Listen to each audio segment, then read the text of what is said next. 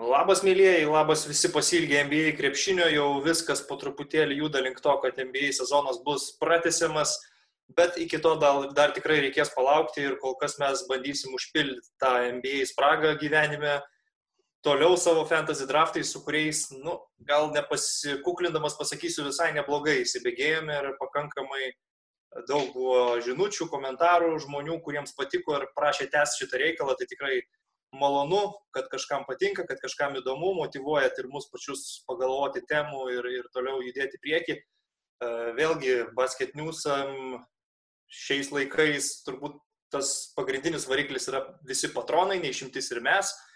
E, kartu su basket newsais bendradarbiaudami su savais projektais, tai labai didelis dėkui visiems patronams, kurie prisideda prie basketnews.lt gyvavimo tokių gan sudėtingų laikotarpių, kai nėra tikro krepšinio ir su rėmėjais visiems yra sunku.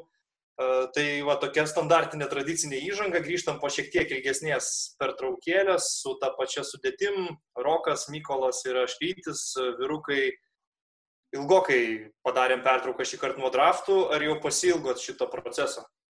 O taip, o taip, pasilgau ir jūsų abiejų, ir, ir, ir proceso, ir apskritai kalbų apie krepšinį, kurių duok dievę artimiausių metų turėtų gerokai padaugėti. Jo, labai paskutinis man kažkaip pačiam patiko, už tą entuzijazmą su, sukėliau į NBA, mūsų trijų komandų susimuliavau sezoną, e, šitą mūsų patronai galėjo matyti to rezultatus, ryčio komanda maniška per Game 7 E, fin, finale tik tai įveikė, žodžiu, ir... Tai, ir Dražanas buvo MVP, ar ne? Jo, jo, Dražanas MVP buvo, teisėjus rytus nusipirko, ten baudų nešvilpė, žodžiu, kad, nu, nu žodžiu, aš ne, nebenoriu prisiminti, bet e, šiaip tai viskas. Praktiškai buvo. Game 7 buvo ir balsavimo žmonių portale. Jo, vien, vienas procentas. ten, jo, ten ja. milimetrinė tokia buvo pergalė. Uh, tai man, kartą... man užtat padėliojo gražiai, kad ir gavo lup, bet, bet gražių dėjimų tikrai sukūrė. Highlightus turėtų dominuoti.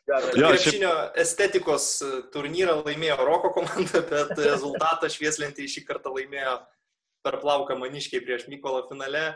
Bet vėlgi turėjom jau tris skirtingus draftus ir visais trim atvejais labai keitėsi simpatijos žmonių, kas galbūt tik parodo, kad žmonės pakankamai objektyviai vertina tas komandas, o ne kuris čia komentatorius ar apžvalgininkas jiem labiau imponuoja. Tas man, tas man patiko.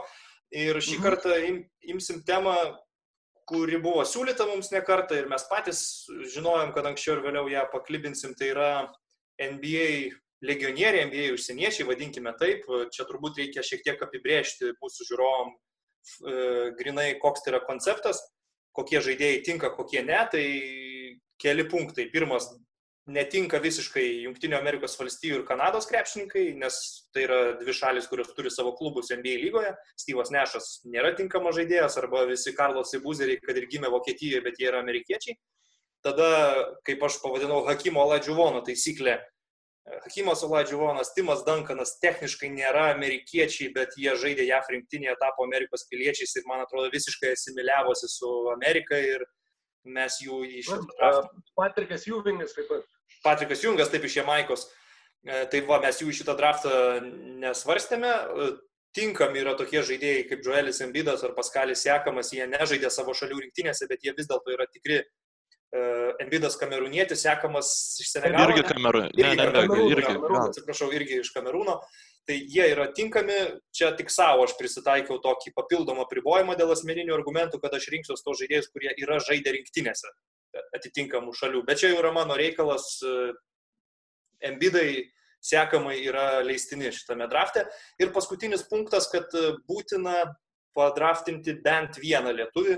Niekas nestabdo pasirinkti, kad ir tris, jeigu širdis geidžia, bet bent vieną būtina na, čia kaip pastrateguosi, ar paimsi anksčiau, kad kiti geresnių nepaimtų, e, kad paskui tau liks prastesni lietuviai, ar pasiliksi savo į galą 11-12 kažkurį iš Lietuvos krepšininkų, čia kaip kiekvienas norės strateguoti, taip jau ir gausis. Tai va, tokie punktai, man atrodo, viską pasakiau, ar pamiršau kažką. Mm. Berots, kad viskas. Berots, jo, kad viskas. Jo, su jo. dvigubom pilietybėm taip pat dar kažkaip tai tam bandėm aiškintis, kad jeigu turi JAV pilietybę, bet nėra žaidęs JAV rinktiniai, tai Nu, iš esmės, nu, sakykime, Benas Simonsas turi dvi pilietybės, bet jis jau žaidė Australijos rinktinėje ir aš manau, kad mes jį galim pagristai laikyti Australų ir jei nu, Benas Simonsas imituoja. Be abejonės. Tai prašom. Nu, okay, tiesiog tai... tokio common senso, kad turėtų aiškus saitus su valstybė ir ne, ne, nebūtų Ameri... žaidęs už Amerikos rinktinę. Tokia, taip, taip. Už Amerikos arba Kanados, nors tokių ja, gal nėra ja. variantų, kad čia naturalizavos ir už Kanadą žaidė, bet tiesiog patikslinimui, kad Kanada ir JAF yra dvi šalis, kurios netinka, nes turi klubus lygoje. Tai va, tiek taisyklių, tiek apribojimų galėsime pradėti. Drafto tvarką ištraukiau, kaip visada, prieš tai, pasitelkdamas įrankį internete ir šį kartą nuskilo man pirmas šaukimas, Rokas yra antras, Mykolas yra e, trečias, tai prieš man tariant žodį, gal norit pabandyti atspėti, ką rinksiuos pirmo šaukimu. Aš nenoriu spėti, nes labai tikiuosi, kad neimsi. tai pirmų šaukimų. Bet, e, nu, žodžiu. Manau, kad du MVP iškovoję užsieniečiai yra, yra favoritai būti pasirinkti pirmam rate o daugiau jau kaip ir skonio reikalas, bet aš, aš savų favoritų taip pat turiu ir, ir e, priklauso dabar nuo to, ką tu pasirinksi, kaip reikės toliau atitinkamai savo komandą dėlioti. Nu gerai, tai tada jau tarsiu tą savo žodį, nekankindamas. Iš tikrųjų, tai nėra geriausias žaidėjas šitame drafte, tikrai ne. Bet mano motyvai paprasti, aš pagalvojau, kurios pozicijos bus sunkiausios užpildyti, renkantis tik užsieniečius man atrodo, aukšta ūgių mums bus per akis, galėtumėm dar pajungti tris žmonės draftinti ir jie irgi surinktų puikią priekinę liniją.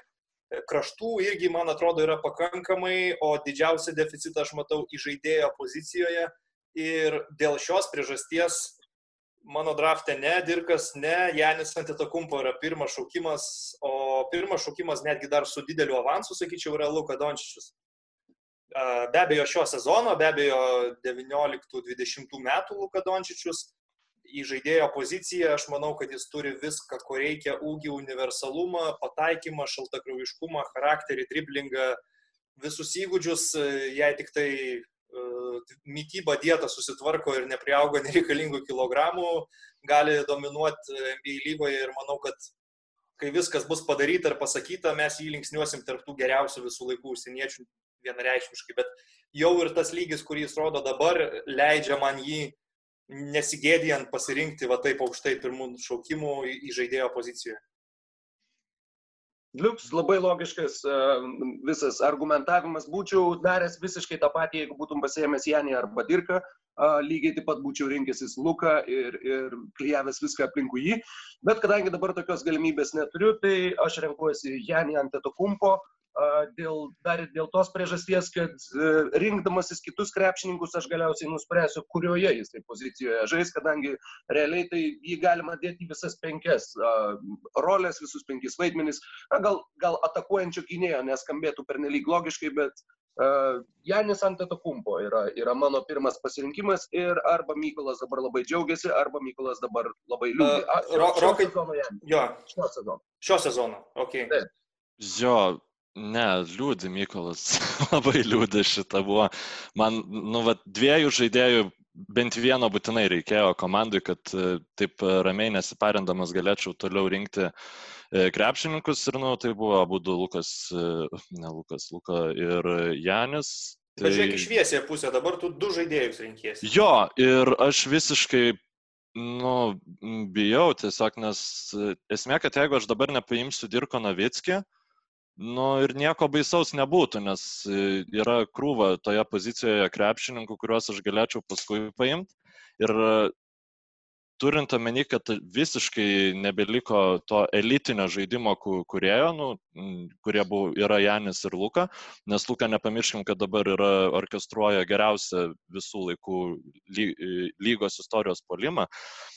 Tai aš pirmų savo šaukimu įimu Manu Žinobilį, Žodžiu, ir nes e, jo, kodėl? Dėl to, kad tai yra geriausias atakuojantis gynėjas vienareikšmiškai, kuris nėra užsienietis. Ir pagal visas metrikas, pagal e, defensive win share ir šiaip pagal jo istoriją, e, tai yra geriausiai perimetrą besiginantis krepšininkas iš tų, kuriuos aš esu už, užsirašęs. Nu, ir uh, jeigu atmestumėm ten jau krepšininkus, kurie tik tai gynasi ir palime nieko nedaro. Ir dabar dėl antro šaukimo mm, šiek tiek dvėjoju. Ir, na, tebūnė tai būna. Taip, tebūnė tai būna Tony Parkeris. Ir aš turiu savo gynybos liniją, sorry, nu, Žinau, kad labai prastai atrodo neimt e, Dirko Navickio, kuris yra geriausias turbūt krepšininkas e, iš viso, bet e, jeigu aš nepaimsiu Tony Parkerio, tada man žinabilį reikia statyti žaidėjų, o atakuojančių gynėjų iš tų, kas liko, man nu, nepatinka niekas. Tai tokie mano yra šaukimai. Na, aš labai gerai. At, atrodo, šiaip. Jo, atrodo, lyg rytis būtų susirinkęs šitos du krepšininkus, atsižvelgiant į simpatijas Sparsam. Mykolai tik tai sezonus paminėk. O, taip, taip, taip.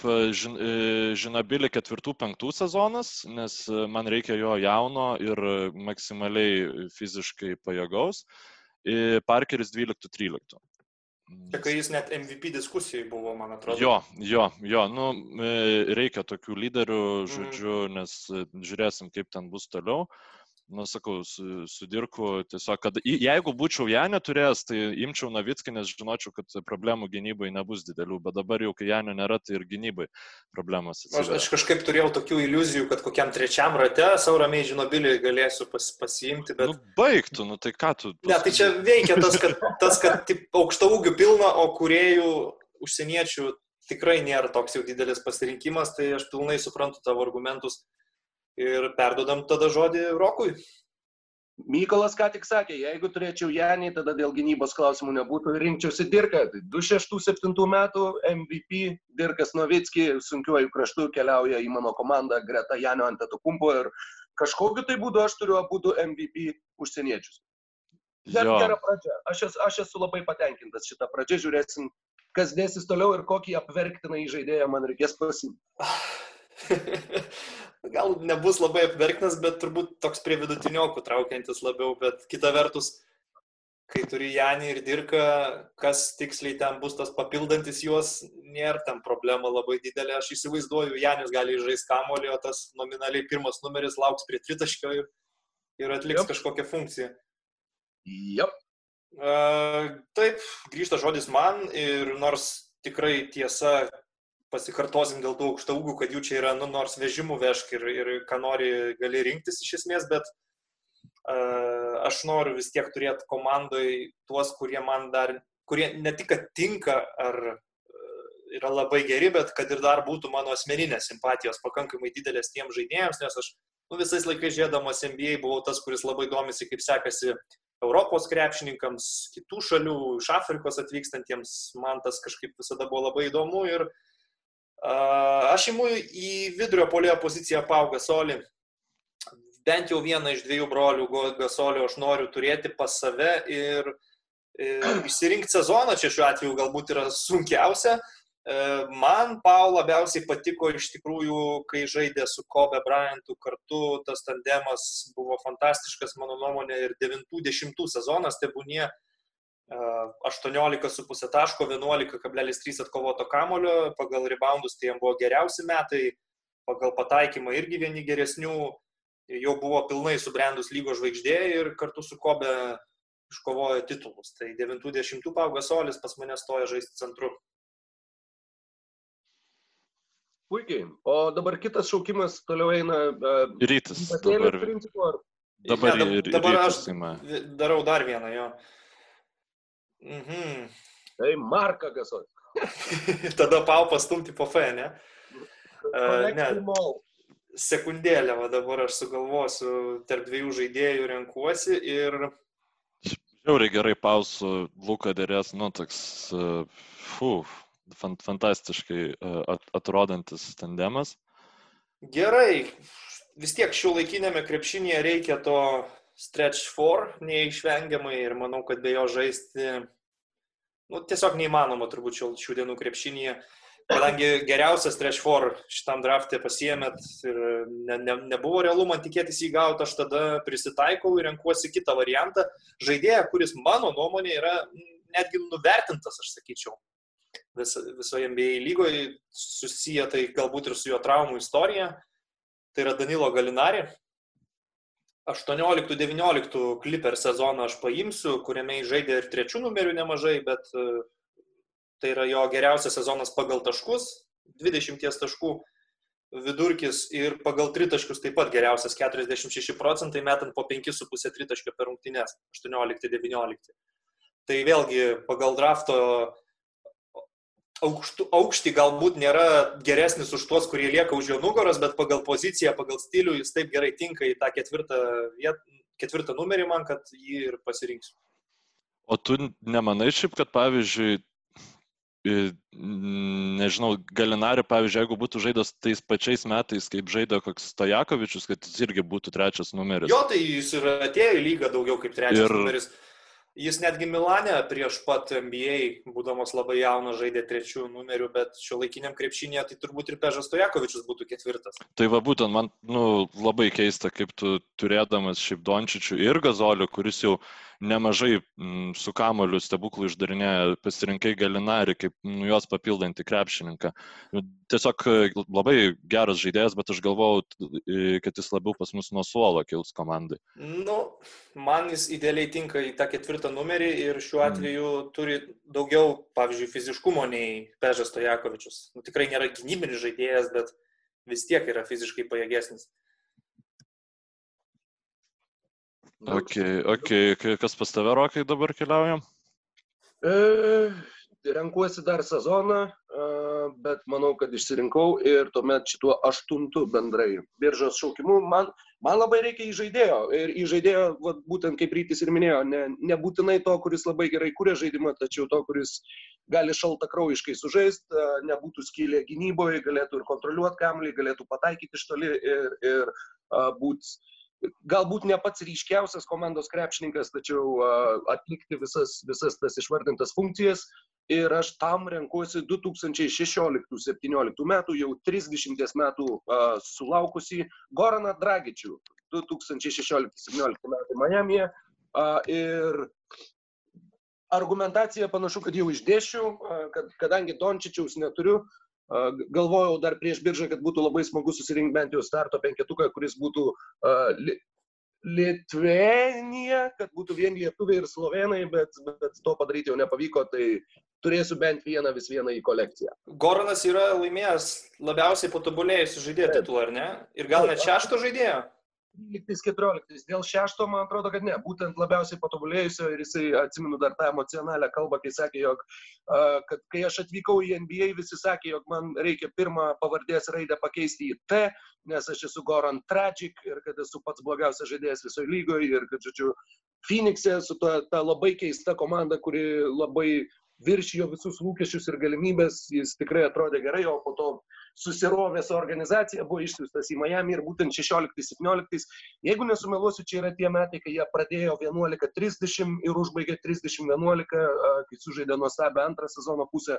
Dragičius ten buvo labai, labai svarbi figūra toje komandoje ir uh, Berots tai yra tas sezonas ir būtent to sezono Gorano aš ir noriu kartu su Janiu ir Dirku. Okay. Mykolai? Aš tai dabar taip net nežinau, galvoju, gal man dar viena, vienas tikrai labai aukšto lygio gynėjas liko. Iš visų iš, išrašytų krepšininkų galvoju, gal jį pasiimti ir tiesiog e, leisti jums visokiais paskui Bogdanovičiais apsistatinėti savo e, vis, žvaigždės priekiniai linijai. Bet e, nes iš centrų velnas ir galvoju, kad reikėtų pasiimti gal jo vis dėlto centrą ir turint omeny, kaip Tony Parkeris gerai e, ir žinabiliai jausdavosi su Dio, tai manau, kad su Marku Gazoliu 16-17 metų tikrai jaust, jausis labai neprastai, aš aikštę matančius centrus dievinu ir Nikolo Jokičiaus neįimu tiesiog dėl jo mm, ribotumo gynyboje. Markas Gazolis tais metais e, laimėjo, man atrodo, ir geriausiai besiginančio krepšininko titulą, ar tai metais anksčiau gal jisai laimėjo, bet 16-17 jau yra, kai jis pradėjo tritaškus gerai pataikyti ir, žodžiu, nu, matom, kad šitas krepšininkas ir dabartiniam krepšinį E, greitame krepšinėje nepasimeta, tai šiaip nu, labai geras e, žmogus ir krepšininkas, tai jis bus mano vidurio palė. Jo, 12-13 jisai laimėjo geriausią. Jo, jo, sakau, kad- Apdovanojimas daug seniau negu tikėjausi, nes man irgi atrodė, kad kažkur pa- panašiai tuo metu. Bet čia buvo tie metai, kai Davidas Fisdėlas atėjo į Memphį ir privertė Gasolį mėti tritaškius ir jisai tą darė uh, faktiškai geriausiai karjeroje. O jūs, pavyzdžiui, buvot gazoliu, mm, aukš, auk, marką pasirašę aukščiau ar žemiau tų vat, visų centrų, kurie dabar liko? Nu, aš jeigu nebūčiau paėmęs PAU, kažkas iš jūsų būtų paėmęs PAU, tai mano tada pasirinkimas būtų Markas. Tiesiog iš jų dviejų PAU man labiau patinka dėl to, kad jis toks techniškesnis, staigesnis, staigesnis rankos ir tais geriausiais laikais jis buvo efektyvesnis polime. Markas superinis IQ irgi, nugarai krepšį, solidus žaidimas, nors kartais atrodo lėti tie judesiai, bet jie gan užtikrinti, fade away metimas, gynyba, viską jis turi, po to ir pick and popas atsirado žaidime, tai man būtų antras variantas papau. Ok, tai ryti dabar tą vailę, ar ne? Taip, taip, taip, taip. Ir aš dabar rinksiuosi dar vieną krašto polėją ir tuoj sprendžiu tarp dviejų žaidėjų ir nuspręsiu, kurio tiksliai noriu. Aha.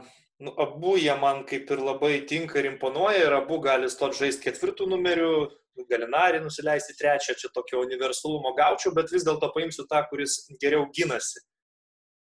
Tai yra All Starų sezonas, vienintelis jo pasirodymas visų žvaigždžių rungtynėse, treti ketvirti metai Andrėjus Kirilenka, Rusų Kalašnikovas, e, gal netgi jis pas mane bus PF Galinaris SV, nu čia nėra skirtumo iš esmės, skonio reikalas, kaip ten juos sudėlioti, du krašto poliai, tiesiog vadinkime taip. Trečių ketvirtų sezonė 16,5 taško, 8 atkovoti kamuoliai, 3 rezultatyvūs perdavimai, 2 perimti kamuoliai. Būtent tame sezone jis dar bandydavo ir tritaškius, tai buvo metai, kai daugiausiai tritaškių išmesdavo per karjerą, vidutiniškai 2,6 per rungtynės, nors aišku, kad metimo gero jis neturėjo ir tai aišku būtų didžiausias Kirilenkos trūkumas šių dienų NBA, bet tuo pačiu jis turėjo driblingą, aikštelės matymą, sugebėjimą kurti žaidimą. Aš puikiai pamenu, kai išsitraumavo visas įžaidėjų korpusas, Jerris Launas buvo Kirilenka pastatęs tuo tikru point forwardu, kuris įžaisdavo kamolį. Ir, nu, tokia būtų rusiška Janio Antetokumpo versija, vadinkim taip. Bet nenuginčys niekas, kad yra labai geras žaidėjas. Jo, Tai mano, nesiginčys niekas. aš jau dėl savo meilės Andrėjui atkentėjau per e, mūsų 2000-2005 metų draftus. E, Nes šiaip e, tavo komandai ryti, tai man atrodo, nu, labai tikrai reikėjo tokio elitinio žmogaus Ja, kuris cementuotų, jis iš esmės visas pozicijas gali dengti, jei reikės varžovų į žaidėją gautis, jei ką leisis į baudos aikštelę. Netrodo, Galinari ir Luka, nu, to tokie jau vis vien, ypač Dončičius dar dabartiniai karjeros stadijoje, tai, nu, nu, pliusas, kad Reikia. ūgio, pliusas, kad yra ūgio jo, jo. ir į žaidėjo pozicijoje, nu, ta prasme, ūgio ilgų rankų pas mane netrūksta, trūksta kažkiek atletiškumo, tai Kirilenka jo, man atrodo, įneš. Tikrai, kad taip. Tai va, Rokai, tavo eilė. Taip, man reikia vidurio polėjo ir aš renkuosi, na, iš esmės tai galėčiau imti ir atakuojantį gynėją, kurio man trūksta, nes jūs abu du centrus turite ir artimiausių metų jų nepasimsit, bet... Uh, Rupkė, nu ką čia dabar, ką čia dabar padaryti. Velniai nematė, aš imu atakuojantį gynėją, tuoj susirandu sezoną ir bandau ištaisyti vieną didžiausių neteisybių Lietuvos krepšinio istorijoje. A, Aš nebūsiu Byronas Scottas ir šio žmogaus ant suolo nelaikysiu. A, Bent po kokias 30 minučių starto penketę keliauja žaisti 2005-2006 metų savo vienintelio sezono Arvidas Macijauskas. Šalia Janio Antetokumpo, Dirko Novickį ir Gorono Dragičiaus a, lietuvių kvotą įvykdžiau šituo, šituo pasirinkimu ir tuo pačiu ramu, kad niekas iš jūsų jo nepasims ir, e, sakau, tikrai jisai, jis žais daug ir aš nebejoju, jog jisai tikrai vaizdo aikštėje negadins. Tai yra man turbūt daugiausiai simpatijų visą laiką kėlęs, na ne visą laiką, bet Tai būtent... tu tuo- iš Klaipėdos, tai čia aišku. Taip, taip, jo. Ankstyvesniai vaikystėje buvo Saulis Štombergas, vėliau buvo Arvidas Macijauskas. Tai, tai taip, tai dar ir duoklė gimtam miestui ir atakuojančio gynėjo pozicija užkimšta lietuviškų pasirinkimų. Sunku čia daug komentuoti, kadangi jo NBA karjera nebuvo sėkminga, bet spekuliuoti galima, kad vis dėlto sėdėjo jis dėl jau tada prasidėjusių nugaros problemų ir, ir dėl gynybos. Galbūt plus bet, bet... Byronas Skotas nekentė tritaškio ir, ir uh, dėl to taip pat visiškai neišnaudojo šito krepšininko. Nu, faktas, kad... Sveikatos būklės sunku pasakyti, bet aš, aš sakykime, mano, mano medicininis personalas apžiūrėjęs šį krepšininką neižvelgė jokių rimtesnių. ne, tiesiog aš atsimenu šeštų metų pasaulio čempionatą, kai jis į Lietuvos rinktinę atvažiavo, ten buvo lyderis, bet iš jo judesių jautėsi, kad yra kažkas negerai ir paskui jau, kai buvo olimpijakose, pasirodė visos tos nugaros problemos, galiausiai karjerą turėjo baigti per anksti, bet realiai tai aš manau, kad tau keramikos laikų, imkim ketvirtų, penktų sezoną Matsas, šiais laikais NBA draskytų, mėtytų, puikiai atrodytų ypač prie tokių žaidėjų kaip Antetokump. Matai, matai, matai. Aš tai, jeigu rytis turi taisyklę neimti krepšininkų, kurie, nu, ten galimai kažkada galėtų žaisti už Amerikos rinktinę, nu, tiksliau, nėra žaidę už savo nacionalinę rinktinę, tai aš to kažkaip, nu, net nesvaršiau imti krepšininkų, kurie NBA lygoje, nu, nėra iš vis kažko įrodė, tai e, dėl to nu, pas mane ten sąraše nei Navaro, nu, Navaro net šiaip e, geriau žaidė. Pusė velnės jo, jo. Nu, bet pavyzdžiui, nesvarbu, kad tarkim Navaro šiaip yra geresnis krepšininkas turbūt už Evaną Furniją, pas mane Furniją yra uh, aukščiau, nes tai, ką jisai NBA įrodo, žodžiu, uh, yra, nu, daugiau tiesiog yra pasiekęs krepšininkas NBA lygai. Būtent tai, nu, žodžiu, aš gal nuo vertinimo susilaikysiu. Šiaip nemanau, kad Macijauskas labai gerai atrodytų moderniam krepšinėje. E, dėl tiesiog Ne, gerai atrodytų. gerai atrodytų. Viskas, gerai. Bet visi, ne, ne su Goranu Dragičium šalia. Ta prasme, reikėtų kažkaip, kažkaip stiprinti. Tau dar Navitskį turi. O nu kodėl? Nu, aš tai manau, kad Dragičius normaliai gynasi pakankamai. Nu, jis gynas normaliai, bet jis nesigina taip gerai, kad e, galėtų Macijauskas šalia jo žaisti. Nu, žinai, kaip sako, kaip sako net ir treneriai tokie kaip Šaras, pavyzdžiui, kad jei penketė yra vienas, kuris blogai gynasi, tai vieną dar gali paslėpti. Du jau yra problema. Nu, tai pavyzdys yra J.J. Redikas, kai jis žaidė Sixeriuose, nu, visiškai jo nesugebėdavo išnaudoti. Kai jis dabar žaidžia Pelikans, kai, nu, šiaip komanda jau tikrai neturi tokios geros gynybos, kokią turi e, Sixers, kur ten turi Zioną Williamsoną, kuris visiškai gynybai dar kol kas yra tuščia vieta. Tai ir tas J.J. Redikas atrodo kaip žiauriai probleminis, kiekvienoje atakoje išnaudojamas krepšininkas. Tai, nu, nu, nu, tiesiog, gerai, žodžiu. Arvidas, aš nesutikčiau, kad Macijauskas blogai gynės. Man kaip tik jis atminti yra įstrigęs kaip labai kibus, labai e, iš kaip pasakyti, iš pusiausvyros, uh, iš, išvarantis, uh, labai išerzinantis, labai puikiai skamba paradoksaliai, bet puikiai flopinantis, puikiai išprovokuojantis poliame pražangas. Žiūrėjau ne per seniausiai 2-3 metų finalą, aišku, čia mes jau šnekam apie truputį vėlesnę jo karjeros stadiją, tačiau prieš Ispaniją tikrai nepasakyčiau, jis kaip tik gynyboje atrodė kaip vienas iš kartu su Mindaugu Žukausku, jie atrodė kaip, kaip daugiausiai darbo padarė gynyboje tame finale krepšininkai, bent jau. Nu, Aš manau taip, jisai normaliai gynėsi Europoje, normaliai gindavos komandiniai gynyboje dėl didelio IQ. NBA atėjo, kur daug izolacinio krepšinio vienas prieš vieną ir ten sunkiau yra prisitaikyti, bet bendrai aš irgi nesakau, kad jis blogai gynės. Nu gerai, užteks gal apie Masijauską, nors čia tikrai netikėtas. Iki ryto galim. Iki Požiūris. Tai tiesiog mm, esu šiaip priblokštas šito pasirinkimo nu, tai ir visiškai... Savai, Gerai, mano pasirinkimas yra mm, Dražan, Dražanas Petrovičius, bus atsarginis gynėjas mano. Ok. Žodžiu, starto penkite pasiliekite ir laisvą vietą, ar ne? Į dvi laisvas vietas pasilieku, mm. nes man e, nu, tiesiog e, gynėjų ir ant suolo reikės. Nu, jau, tai apie Dražaną nėra... turbūt nepasiplėsim, nes jis jau buvo mūsų draftė, bet patvirtink tik sezoną dar.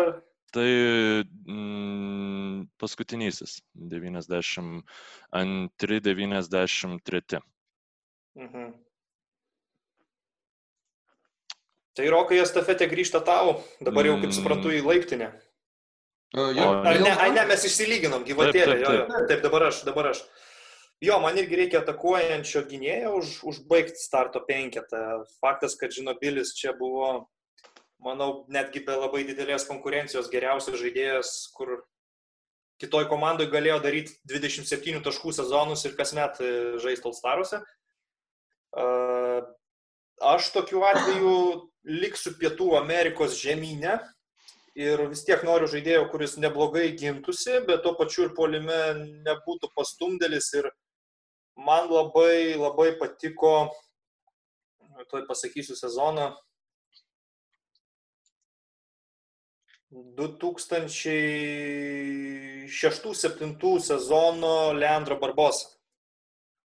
Phoenix'o Suns, pas Maiką D'Antoni, 18 taškų vidurkis, yra tapęs geriausiu šeštuoju lygos žaidėjų būtent 2007 metais tame sezone, nes dažniausiai kildavo nuo suolo, tik 18 rungtynių starto penkite, tai buvo geriausias jo karjeros sezonas, 43 procentų taiklumų tritaškiai, E, skrido tame sezone.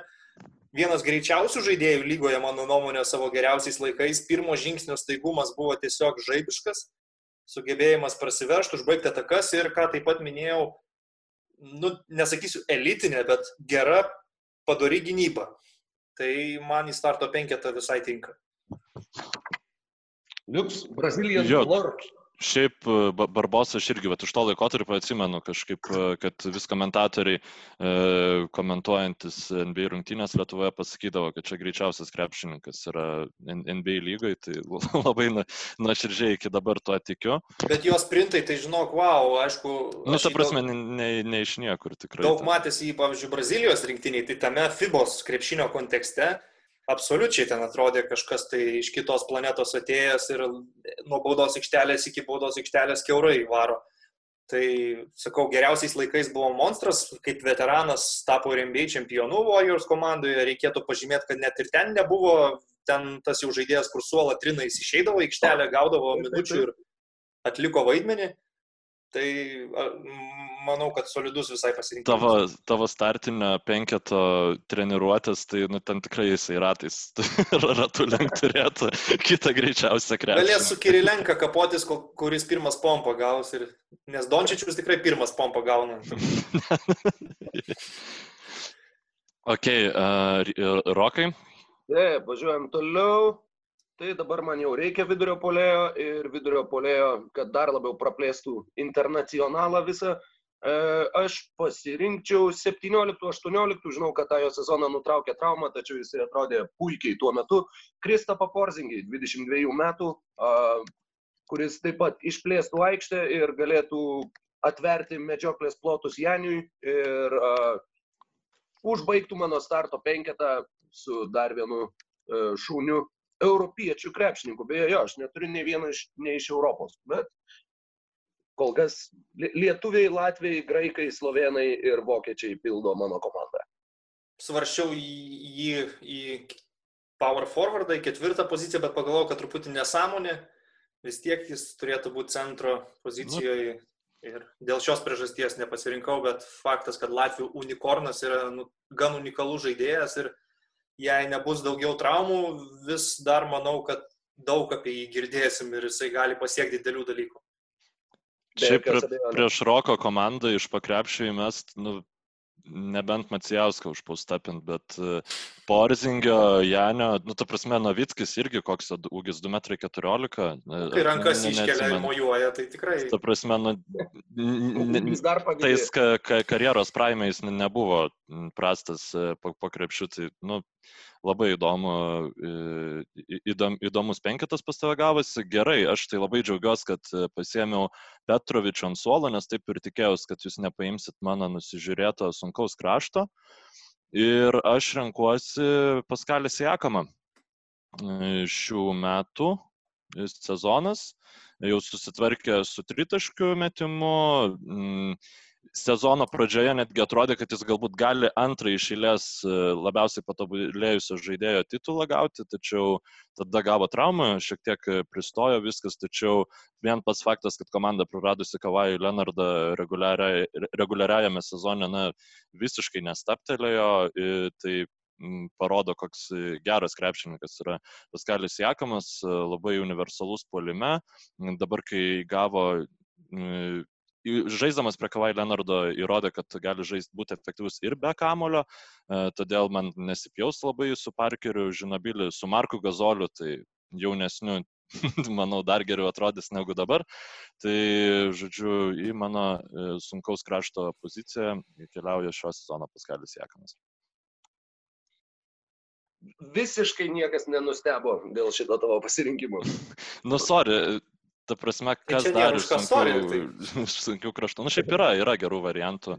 Yra normalių žaidėjų, bet, nu, aišku, kad sekamas yra, nežinau, toks, sakykime, augantis vos ne dar vienas antitokumpo rytų konferencijoje, kokiais žingsniais jis tobulėja ir, nu, dabar Raptors jau tapo realiai jo komanda. Ir bent jau aš galvojau, kad Raptors šį sezoną trinsis gerokai žemiau lentelėje nei jie yra. Aš, pavyzdžiui, maniau, kad išėjus Kavai, išėjus Denny Greenui, bus sekamo statistika, bet nebus tiek daug pergalių, o mes matom, kad jie vis dar yra konkurencingi. Aišku, čia daug turbūt ir Niko Narso nuopelno tame. Tikrai taip. Uh, tai pasirinkimas, man atrodo, nekvestionuojamas, tik tai sakau, pas mane jis nebūtų svarstomas, nes rinktiniai nežaidė, tai aš čia savo užsidėjau limitus papildomus. Jeigu kas nors e, dvėjoja dėl dabar šito ryčio pasakyto, kad jis šiandien nėra tikras afrikietis ar panašiai, jo Paskalios Jakamo tėtis buvo e, miestelio, kuriame jis gimė meras, Kamerūne. Tai, nu, žodžiu, ir dar jisai vaikystėje žymiai labiau mėgo futbolą negu krepšinį. Tai, nu, nieko bendro su Amerika, žodžiu. Aš sutinku, tai aš šiaip sakau, truputėlį paisidirbinėjau galbūt. Tai tada ir aš tarsiu savo žodį, jau pradedu, pradedam komplektuoti suolą, nors kai kurie ir starto penketo va, dar nebaigė, galima ir tokią strategiją rinktis, aš tada įimu tiesiog šeštą žaidėją, pas mane jis pakiltų esant reikalui į trečią poziciją, esant reikalui į ketvirtą, tinka ir ten, ir ten, ką jau ir kalbėjom, tai be abejo yra Pežas Tojakovičius, trečių, ketvirtų sezonas, kartu su Dradžianu du geriausi metikai šitam draftė, mirtinas sniperis, trečių, ketvirtų sezonė darė po 24 taškus, Kings buvo tikrai gera komanda tuo metu vakaruose, laiminti komanda, kuri kovodavo rimtai ir su Lakersais. Ir, na, nu, aišku, šalia to visi tie įvertinimai tritaškių konkursuose, protingas žaidėjas, ne tik tritaškį metį ir prasiveršti jis galėdavo, aišku, gynyba ne jo kozeris, bet mano visa tokia komanda, kur gynyboje kai kurie žaidėjai turės atidirbinėti už du, kaip banaliai yra sakoma. Tačiau laimi čia tiesiog polimo talentai, metimas, ūgis, viskas leidžia jam puikiai žaisti, manau, ir šio laikiniam krepšinį. Puikiai. Visiškai suprantama, pats rinkausi į praeitoj biržoj ir, ir tais metais, man atrodo, jis ir buvo, kur ar ne ketvirtas MVP rinkimuose kažkas. Taip, treti, ketvirti, ten jo skaičiai yra žiauriai dideli ir jisai du kartus, tris kartus buvo Staruose nuo 2002 iki 2004, tai buvo jo karjeros zenitas. Jo, į, į lengvą kraštą, mano, jeigu nu, būt, būtų atėjęs šitas šaukimas, galbūt būčiau jį pasiemęs, nuostabus krepšininkas. Ir sakau, man tai jis iš Galinarių netgi, na, kritikavau tave, kad pasirinkai Galinarių, ne jį, bet galiausiai ir Stojakovičių pasiemė. Tai čia tai dabar tiesiog. Uh, okay. Važiuojam toliau, uh, man kadangi uh, sakykime, Janis atlieka, nors yra lengvas kraštas nominaliai, to čia pasižymėsiu kad jis yra SF. Uh, nors Janis uh, kaip, gali atlikti daug tų žaidimo kūrimo, žaidimo kūrimo funkcijų, bet man reikėtų ir dar vieno uh, tokio stipraus žaidimo kūrėjo. Tai aš savo šeštuoju žmogumi renkuosi į žaidėją. A, pala, reikia susirasti jo sezoną. Uh, sezoną, sezoną, sezoną. Šiais metais irgi neblogai, bet man atrodo, kad jis turėjo ir geresnių uh, pasirodymų lygoje. Štai va, pažiūrėjau, taip, 16-17 metų, kai rinko po 9 rezultatyvius perdavimus ir 11 taškų, Ricky Rubio norėčiau turėti savo gretose, kadangi man taip pat labai, labai kelia susižavėjimą jo aikštės matymas, jo, jo kamulio valdymo technika ir apskritai...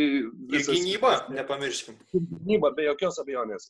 Ir nors jisai ir nepataiko iš toli, tačiau metikų pas mane yra tikrai pakankamai daug, kad, kad jis netaptų papildoma našta polime. Starto penketė apskritai visi, išskyrus Janį, mėto iš toli kaip reikiant mažų mažiausiai. Tad Ricky Rubio 16-17 metai Minnesotos Timberwolves, kur vis dar jis yra mylimas po šiai dienai ir vis dar viena iš priežasčių, kodėl Timberwolves susirgaliai negali pakęsti Tomo Tibodo yra ta, kad jisai iškeitė Ricky Rubio ir pasėmė Jeffą Tygą ir, žodžiu, tas smūgis taip pat yra vis dar didelis ir, ir didelę neapykantą sukeliantis būtent Tibodo Minnesotoje. Jo, man Rubio visą laiką atrodė tokia neišsipildžių šiek tiek karjera, kad ji nėra tokia gera, kokia galėtų būti, bet kai 2019 metais jisai laimėjo pasaulio taurę ir tapo turnyro MVP, dedikavo tą visą pergalę savo mamai mirusiai, man jis taip stipriai pakilo, kad nu, aš jį būčiau ėmėsi žaidėjų pagrindinių, jeigu nebūčiau gavęs Dončičiaus. Jo, jo, Aš, vat, je, jeigu ne Janis ir ne Dončičius, taip pat būtų buvęs startinis žaidėjas. Mm, labai gera opcija Rubio yra nuo suolo, nes starto penketais gali biški maišytis dėl, na, neslėpkim, netobulo savo metimo iš toli, nors e, iš tikrųjų nėra jau tas krepšininkas, kurį tiesiog galima palikti. Tačiau būtent tas faktas, kad nu, iš visų mano išsirašytų žaidėjų tai yra geriausiai, vienareikšmiškai geriausiai besiginantis krepšininkas iš gynėjų, kurie liko, tai nu, labai logiškas ir geras pasirinkimas.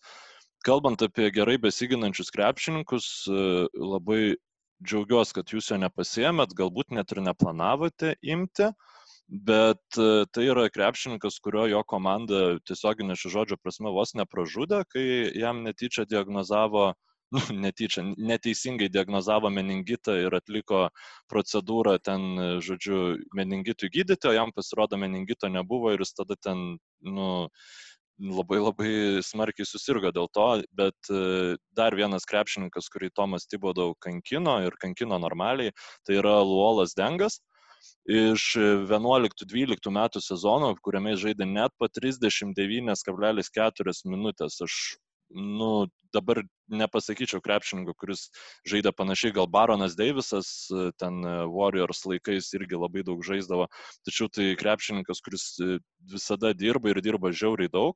Ir man reikia to, čia į starto penketą, jis mano lengvasis kraštas bus, reikia man krepšininko, kuris galėtų būti efektyvus ir be kamulio, o tai jam tikrai nesunkiai seksis, nes ir tritaškių pataikymas 37 procentai, net po keturis išmesdavo, jis to 12 metų sezone, tai žodžiu, ir bus krepšininkas, kuris nu, gins ten jau visus tos geriausius kitų komandų tai, krepšininkus. Tai, Mykolai, aš kai kalbėjau, jei prisimeni rinkdamasis Kirilenką, kad svarstau tarp dviejų žaidėjų, tai ir buvo mano dilema tarp Ruso ir, ir Dengo, kuris žaidė už Didžiosios Britanijos rinktinę, net ir olimpinėse žaidynėse.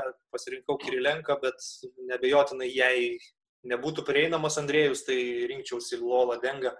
Čikagoje man jis labai patiko, kai žaidė. Uh, jo, tavo, nu, tavo vietoj Kirilenko gal logiškiau, nes jis tiesiog dar po krepšių e, gali, man atrodo, šiek tiek daugiau pasiūlyti negu Lolas Dengas. Bet pavyzdžiui, Dengas man dėl ko jo yra dar vienas pliusas puolime, jis nugarai krepšį žaisdavo labai solidžiai.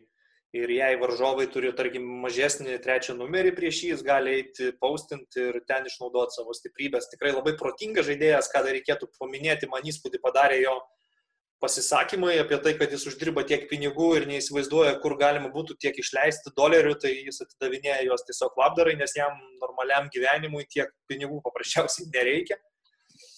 Gerai, tada, kadangi jau pradėjai lygų temą tokią užvedį, tai su meningitu, tai aš tada imsiu COVID-19 ambasadorių Junktinėse Amerikos valstijose, mikrofonų bakterijų siaubą, Rudy Goberą, turiu jau paugą solį, pagrindinį centrą, reikės labai aukšto penketo galės žaisti kartu aikštelėje, Rudy Goberas kaip ir Markas Gasolis, kurį jau pasirinkai, yra tapęs geriausiai besiginančių NBA žaidėjų du kartus, 18 ir 19 metais, ir pas mane jis ateina be abejo 18-19 sezono su 16 taškų ir 13 atkovotų kamolių vidurkiu. Super, super tvirtas centras. Šia, šiomis dienomis aš nežinau, turbūt geresnio baudos aikštelės tokio sargo, kuris dar būtų ir pakankamai judrus, gal ir nėra NBA lygoje. Yra vienas. Nu, gal nebūtinai geresnis. Nu gerai. Aš dar šiaip pagalvojau, kad Karlas Antony Townsas yra priimtinas šitam draftui yep. žaidėjas. Yep. Dominikos nu, bet, Respublikos rinktinėje. Bet va, žaidžia.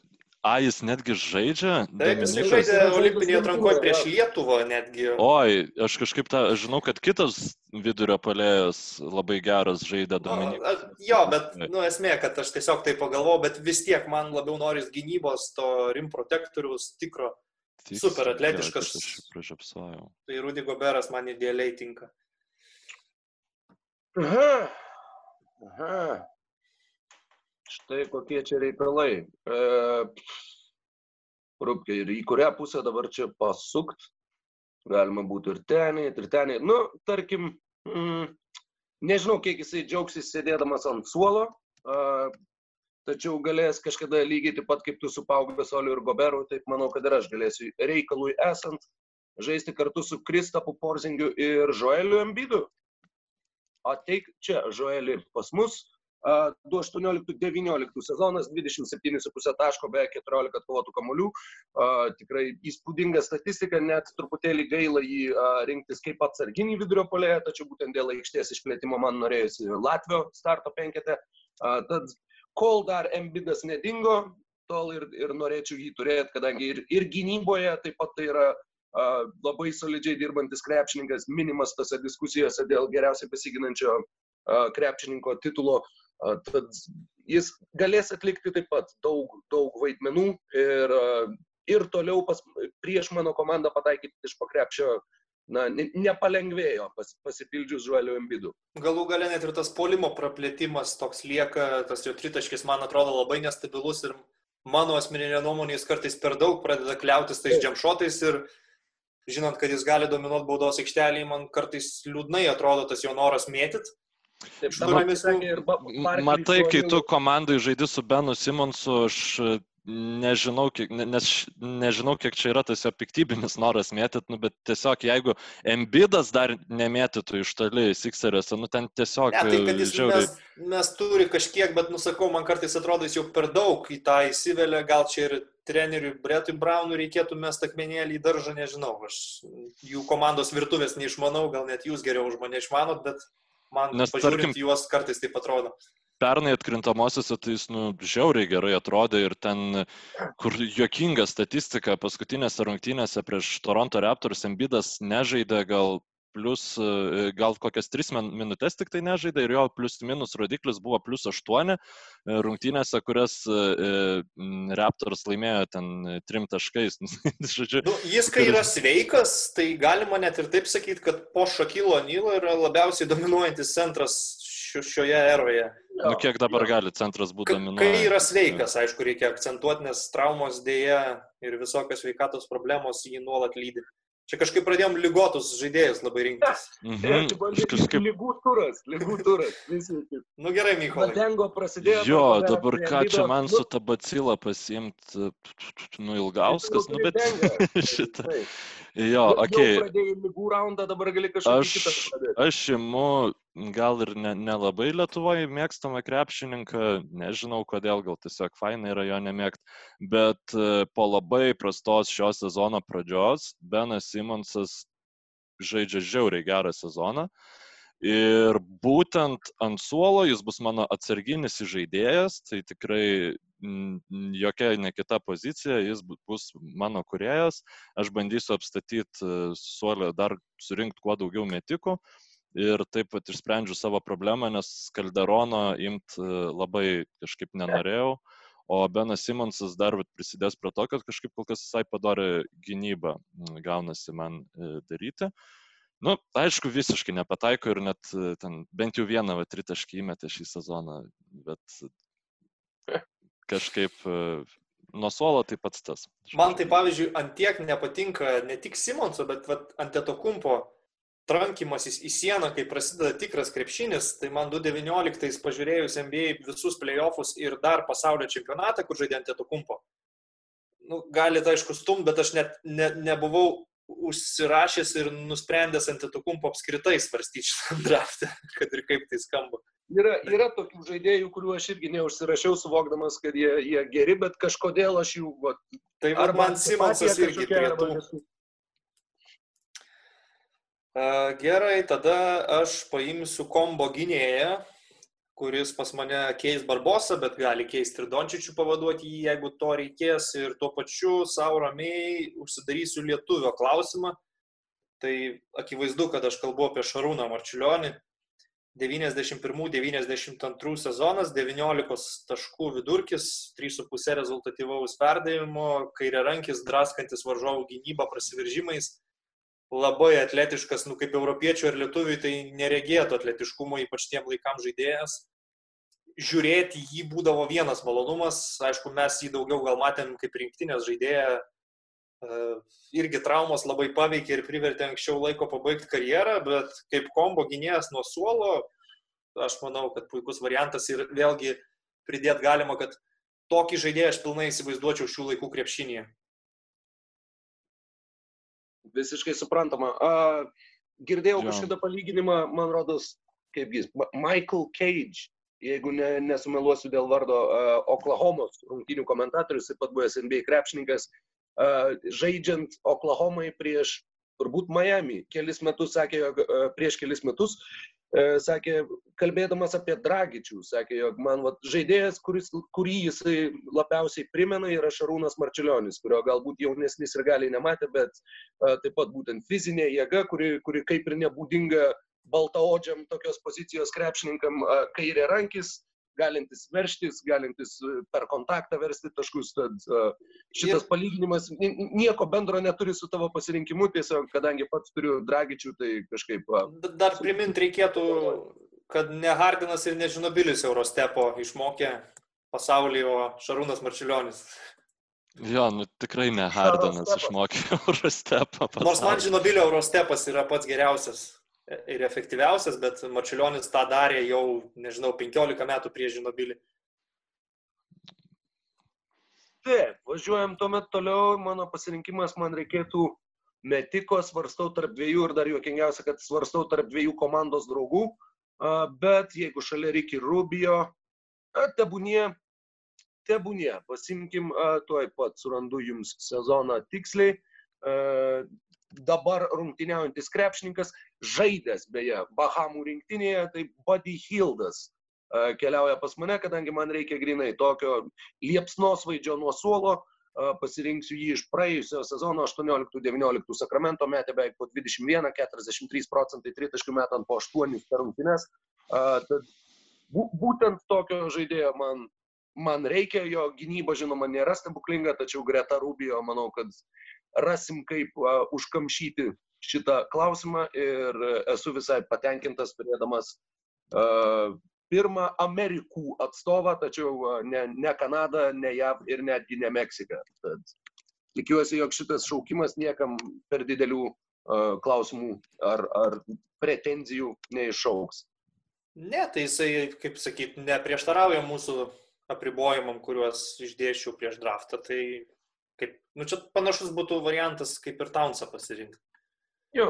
Ne, nu, tai čia yra perfectly acceptable pikas, tik tai, nu, aš, aš panašios pozicijos krepšininkus du virš jo išsirašiau.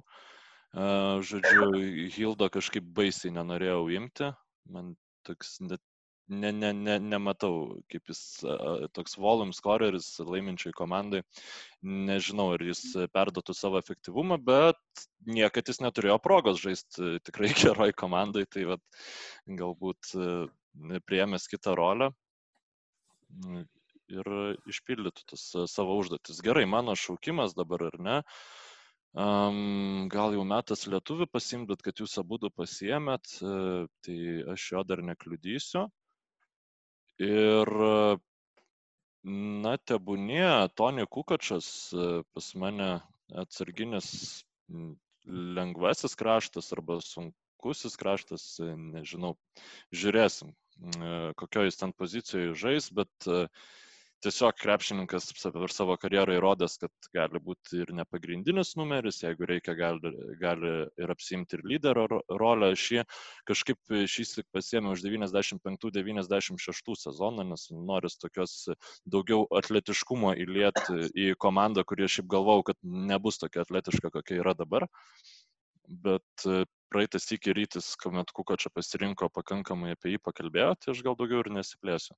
Visi Last Dance matėt, visi žinot. Ne? Jo, aš, ypač šiom dienom jau visi prisimint spėjo, koks tai buvo žaidėjas, kaip jis atėjo į lygą, iš kur atėjo ir ką jis darė bulių komandai.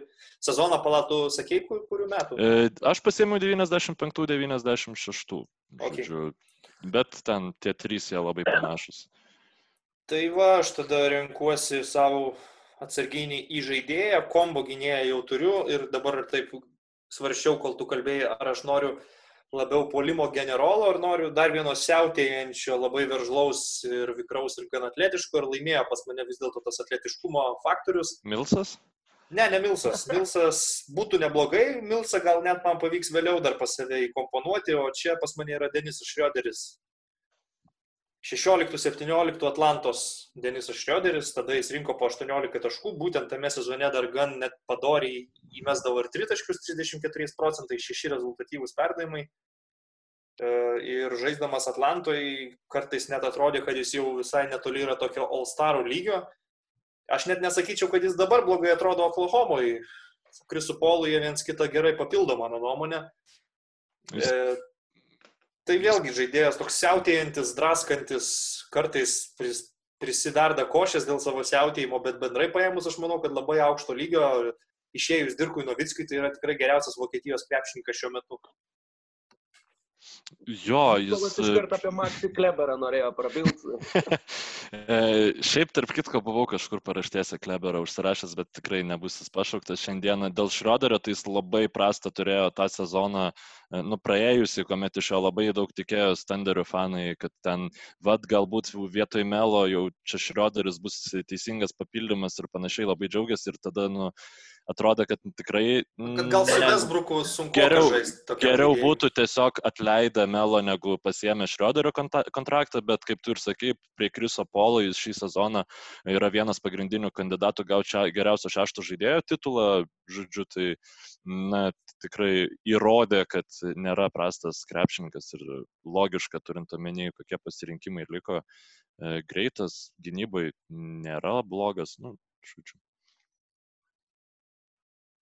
Kaip tau, Rokai? Uh, viskas gerai. viskas gerai. Man viskas labai gerai. Uh, aš tęsiu šitą visą mūsų seriją ir renkuosi krepšininką, kuris iki šiandien nežinojau, kad yra ne amerikietis. Techniškai. Uh, US Virgin Islands arba Mergelės salos, St. Krūjo miestas, iš kurio kilo ir Timas Dankanas ir nuostabi regio grupė Midnight. Uh, 2006-2007 metų geriausiai besiginančių lygos krepšininkų pirmas penketukas, 41 procentas tritaškių taikumas metant po 6 per rungtynes, 15 taškų per rungtynes. Tai būtent žmogus, kurio aš e, norėjau dėl jo elitinės gynybos, daugiau tokių krepšininkų, kurie apie kuriuos taip pagarbiai būtų atsiliepęs Kobe Bryantas po savo uh, karjeros pabaigos, kalbėdamas apie žaidėjus, prieš kuriuos buvo sunkiausia žaisti, nėra daug. Tai yra Radža Belas. E, iš Phoenix'o Suns ir būtent tas prototipinis trys ir gynyba krepšininkas ir e, pasėmus Buddy Hildą man būtinai reikia kažko, kas, kas galėtų uh, atlikti, na, prisimti savo pavojingiausių varžovų perimetro žaidėjų priežiūrą. Jis yra iš mergelių salų, ar ne? Taip, US Virgin Islands. Ir niekada nežaidė už rinktinę nei vieną, nei kitą. Uh, tad... Nu, ok, nu aišku, pilietybė jo yra amerikietė tiška, bet, nu, žaidinė nežaidė gerai, nesiginčys. Nu, aš tai kaip visiškai galvau, kad Belas tikrai yra amerikietis ir...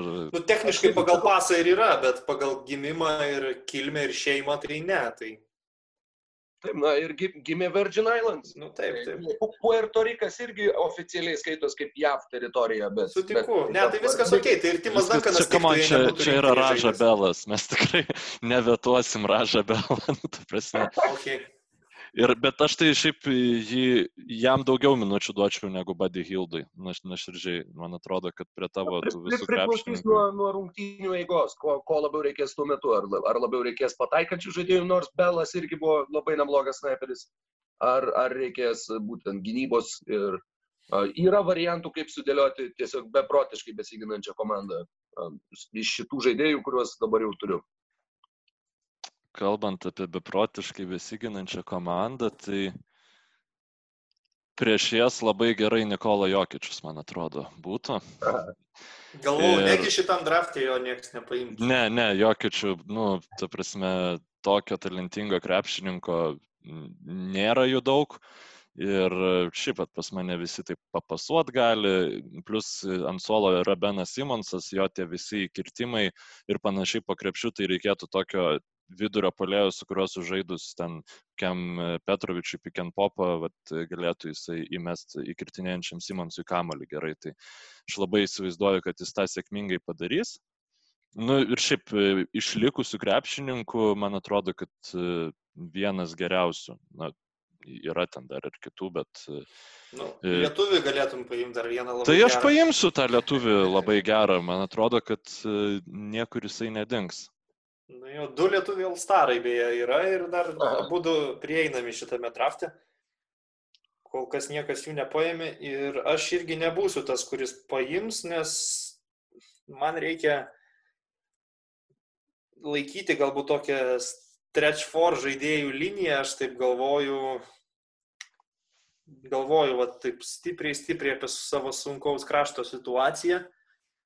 Aišku, galėčiau ten Pežą Stojakovičių perstumti ir svarstyti trečius numerius, bet ne, aš nu, palaikysiu taip, kad Galinari galėtų keisti kažkiek panašaus profilio žaidėjas.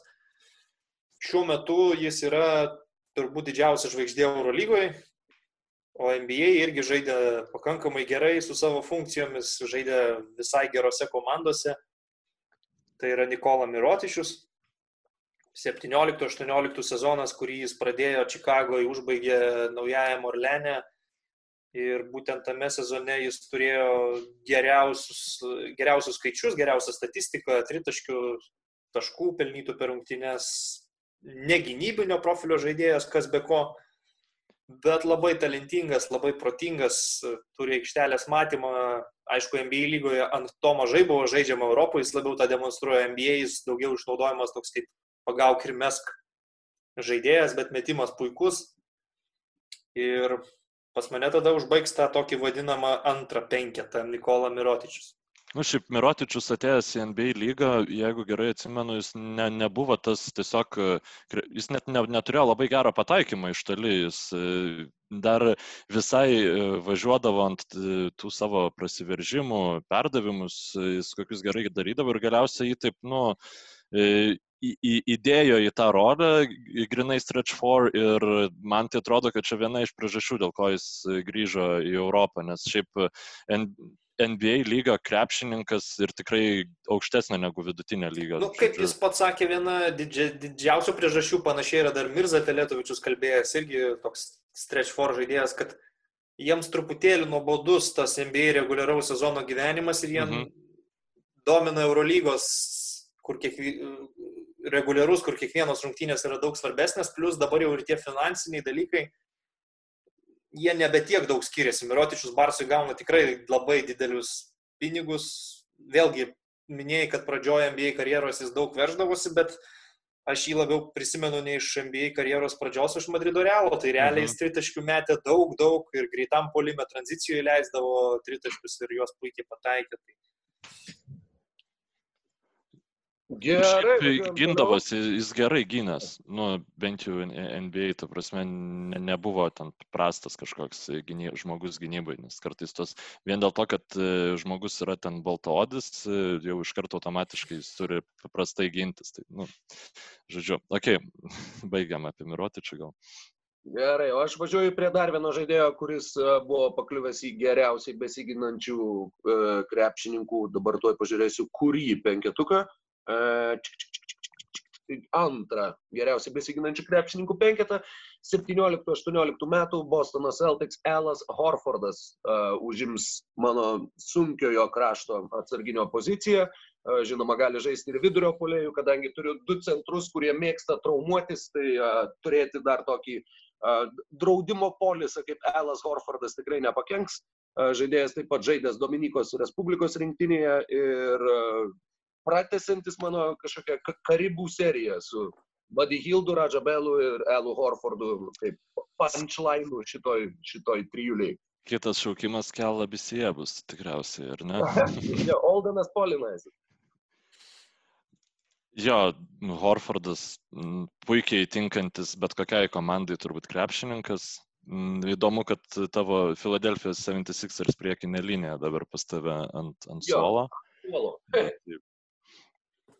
Ryte turi kažką papildyti?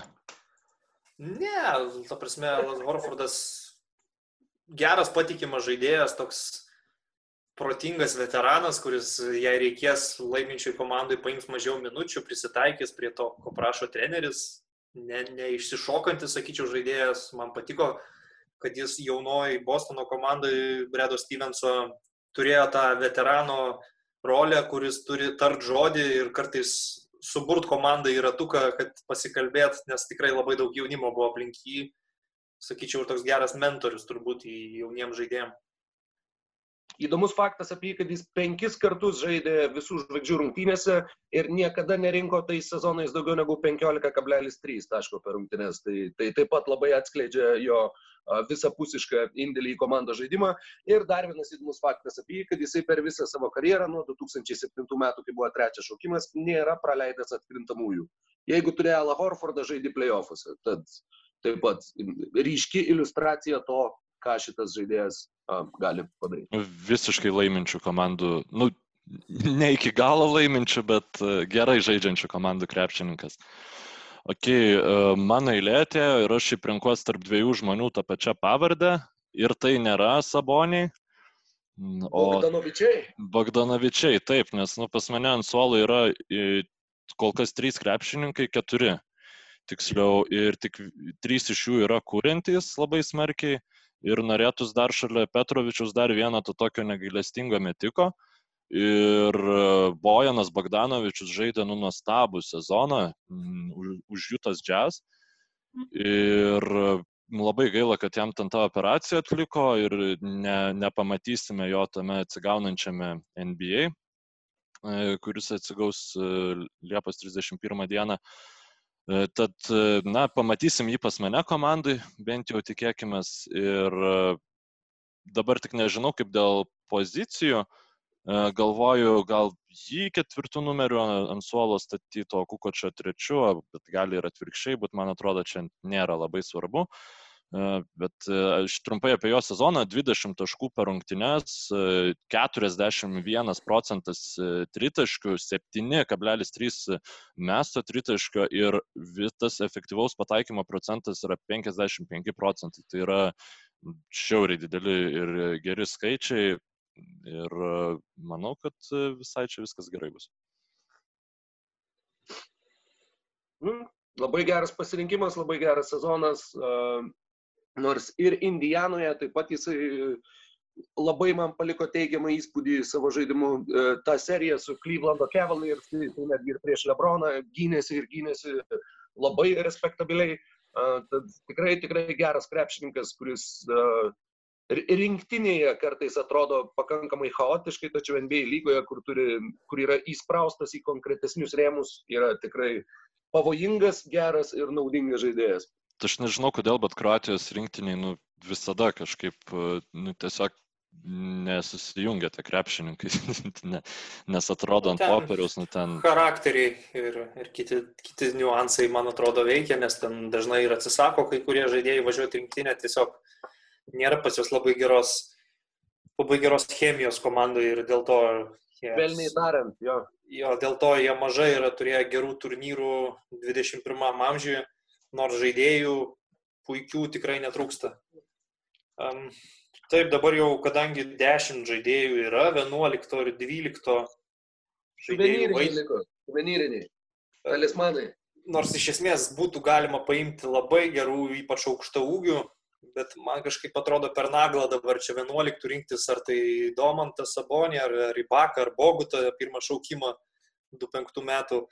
Paimsiu paprastesnį žaidėją ir pataisysiu savo praėjusiu drafto klaidą, kai apsižioplinau ir jo nepasirinkau, tai yra Borisas Diau, bet tam, kad būtų realistiškiau, aš neimsiu to Phoenixo laikų Borisą Diau, paimsiu čempioniškos pars sezono veteraną Borisą Diau, tai 13-14 metai.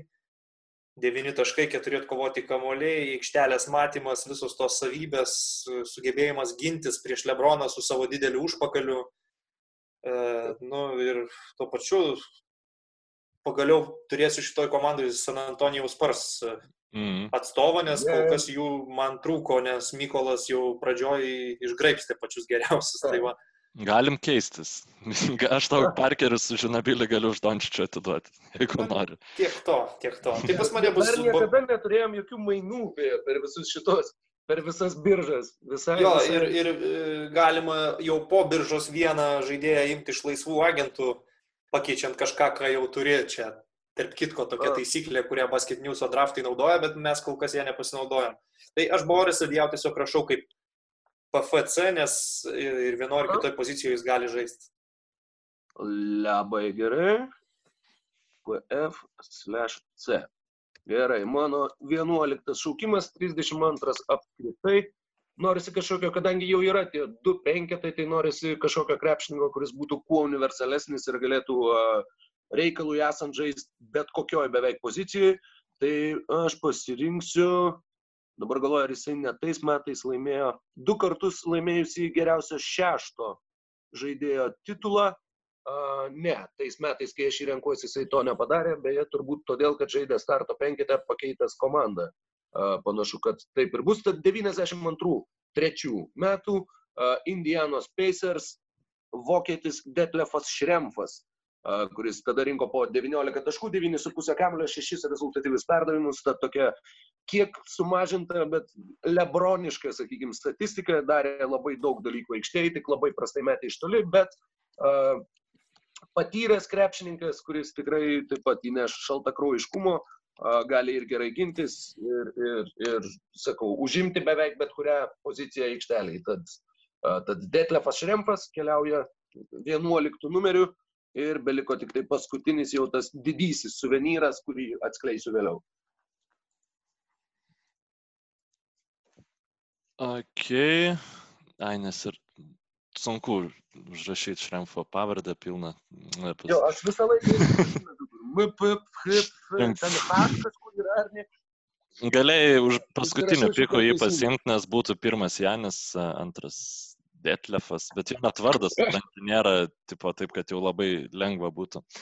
Ok, aš pasiemu savo tada Arvidą Sabonį, Gal, buvau užsirašęs ankstesnį sezoną, jo, nes galvau, kad aukščiau imsiu, bet tiesiog baisiai norėjau šitoj komandoje Nikola Jokičius, bet pasiemu Sabonį iš 99-2000 metų sezono, kai jis jau buvo 35, mėtė 3.37 procentų taiklumu ir aš galvoju, kad jis per daug ir nepyktų, jeigu ten jam neduotų baisiai daug žaisti. Vis vien, va, žalgerį jau greitai galėtų biškai anksčiau žalgerį, paskui nuvykti žaisti, negu realybėj išvyko. O šiaip tai, nu, antri mano draftai išėlės, kai įimu Arvidą Sabonį, bet, na, kažkaip ten geresnis krepšininkas už Domantą Sabonį. Yra tiesiog gal ne, nebūtinai geresnė šita jo versija, bet tiesiog, man atrodo, labiau tinka tokiai roliai, kokio, kok, į kokią aš jį pasiemu. Taip, tai dabar jau visi turim bent po vieną lietuvį ir įdomu tai, kad nei Ilgauskas, nei Sabonis netapo tais lietuviais, kuriuos pasirinkom, nors e, jie yra vieninteliai visų žvaigždžių rungtynių atstovai iš Lietuvos krepšininkų. Jonas Valančiūnas irgi lieka nepasirinktas, nors Toronto Raptors klube labai daug padarė ir toliau sėkmingai žaidžia Memphie. Nors aišku, dar gal sugalvos, pavyzdžiui, Rokas kažką iš jų pasimti į savo tas suvenyrinės ne, pozicijas. Aš, aš už, užbėgdamas už akių sakau, kad ne, mano suvenyras šį kartą yra. Per geri truputėlį. Nu jo, per geri truputį žaidėjai gal, kad būtų 11-12. Bet nustebino, aš tikrai maniau, kad kažką iš jų pasirinksim, bet va taip va susidėliojo. Man Marčiulionis labai gerai tiko, Mykolui Alvidas Sabonis. Simboliškai dar 11 žaidėjų pasirinko Sabonį, tai jau čia. Čia irgi, irgi simbolika. Tai aš tada pasibaigsiu savo komplektaciją su žaidėju, kuris dabar tai pagalvojau, gali net ir išstumt um, Šarūną Marčiulionį rotacijoje, jo minučių pavokti ir su Leandro Barbosa rimtai pakonkuruoti dėl žaidimo laiko, nes savų laikų buvo labai labai geras koreris grinas atakuojantis gynėjas. E, pavyko jam sužaisti vargais negalais vis dėlto už Didžiosios Britanijos rinktinę, nors ir nepadarė to Londono olimpinėse žaidynėse, bet įgyvendino pagaliau šitą dalyką 2017 Eurobaskete. Kalbu aš apie Beną Gordoną, turi jis NBA geriausio šešto žaidėjo apdovanojimą, bet pas mane ateina. Vienintelis, vienintelis žaidėjas, beje, kuris laimėjo geriausio šešto žaidėjo apdovanojimą savo debutiniam sezone. Taip, jo, pirmam sezonui ketvirtais, penktais šitą titulą laimėjo, bet aš jį paimsiu jau šiek tiek vėlesnių metų, šeštų, septintų, rezultatyviausias jo karjeros sezonas, 21,4 taško per rungtynes. Labai patiko man jo žaidimo stilius, iš tikrųjų jis labai tiko tai Čikagos komandai. Paskui gal Detroit'e jis man taip stipriai nesižiūrėjo, dabar beje priminė apie save per Players Tribune, papasakodamas apie savo kovą su demonais, su, su psichologiniam problemom, tai tikrai už tai irgi vertas pagarbos, kad garsiai kalba apie tokias problemas. Ir mm, šiaip man labai patiko jo žaidimas, ką ir sakiau, tai 6-7 Benas Gordonas.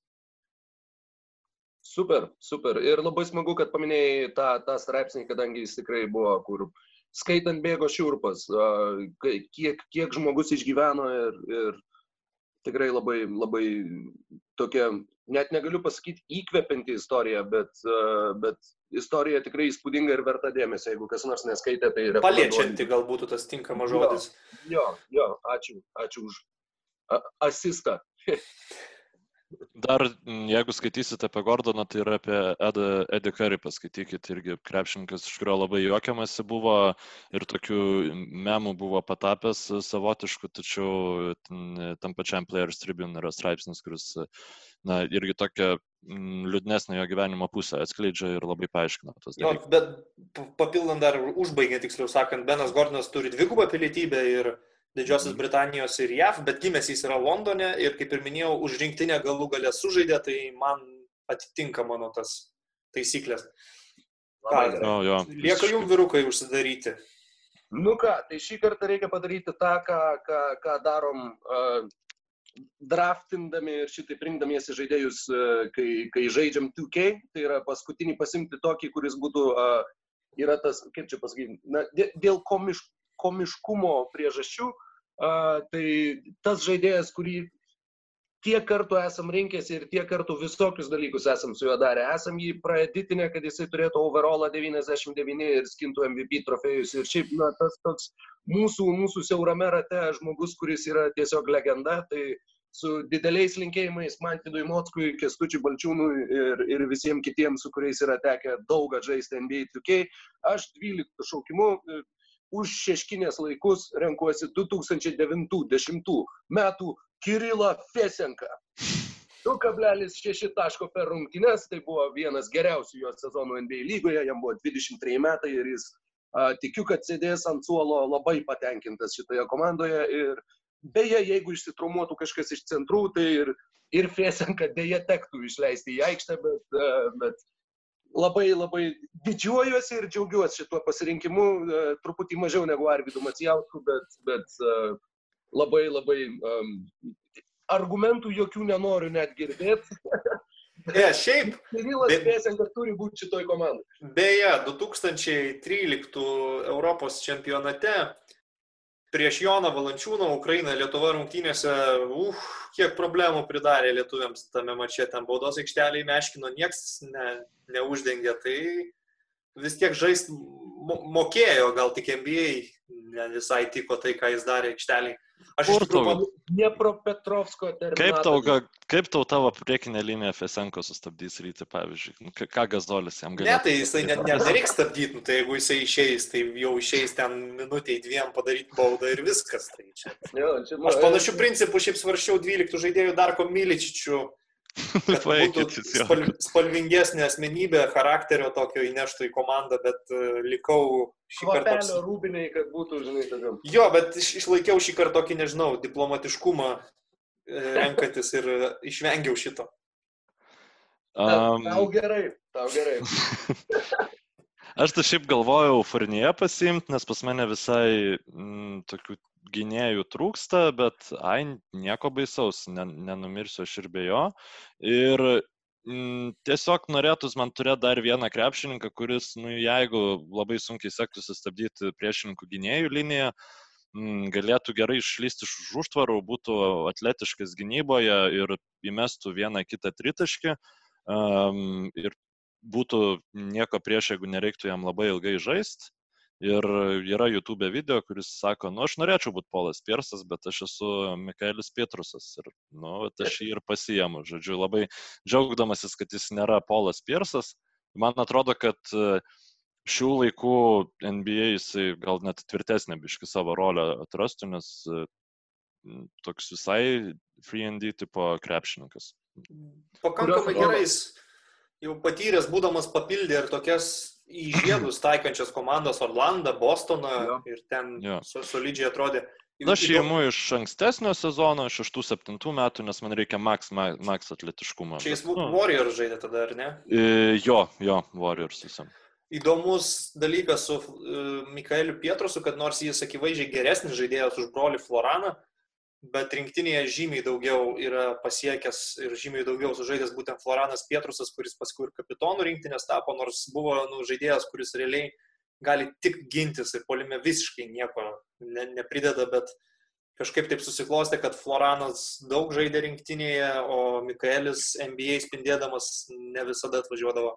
Bet jo, jis tiesiog, ta prasme, ne, nebūdavo jo rinktinėje ir jisai net kai būdavo rinktinėje, ne, nežaisdavo. Ne, ne, kaip, kaip ne, buvo rinktinėje, jisai tuos kelis turnyrus, kuriuos pamenu, nu, visai smagiai žiūrėjos prie Parkerio ir tritaškį pataikydavo ir, ir gindavosi ir prasiverždavo, tai normaliai atrodė tiesiog, kad jisai nerodė didelio noro žaisti už rinktinę, nors prancūzai šiaip kaip tik pasižymėjo tuo labai tokiu patriotiškumu. Ta va, Diau Parkerio karta, jie visi važiuodavo ir žaisdavo O mm. Mikaelis nelabai, nu, bet atitinka viską tikrai ir, ir manau, kad visai netgi stylas toks kaip 12 žaidėjų pagal profilį, pagal tai, kaip šiais laikais galėtų gintis ir įmest tritaškį iš kampo.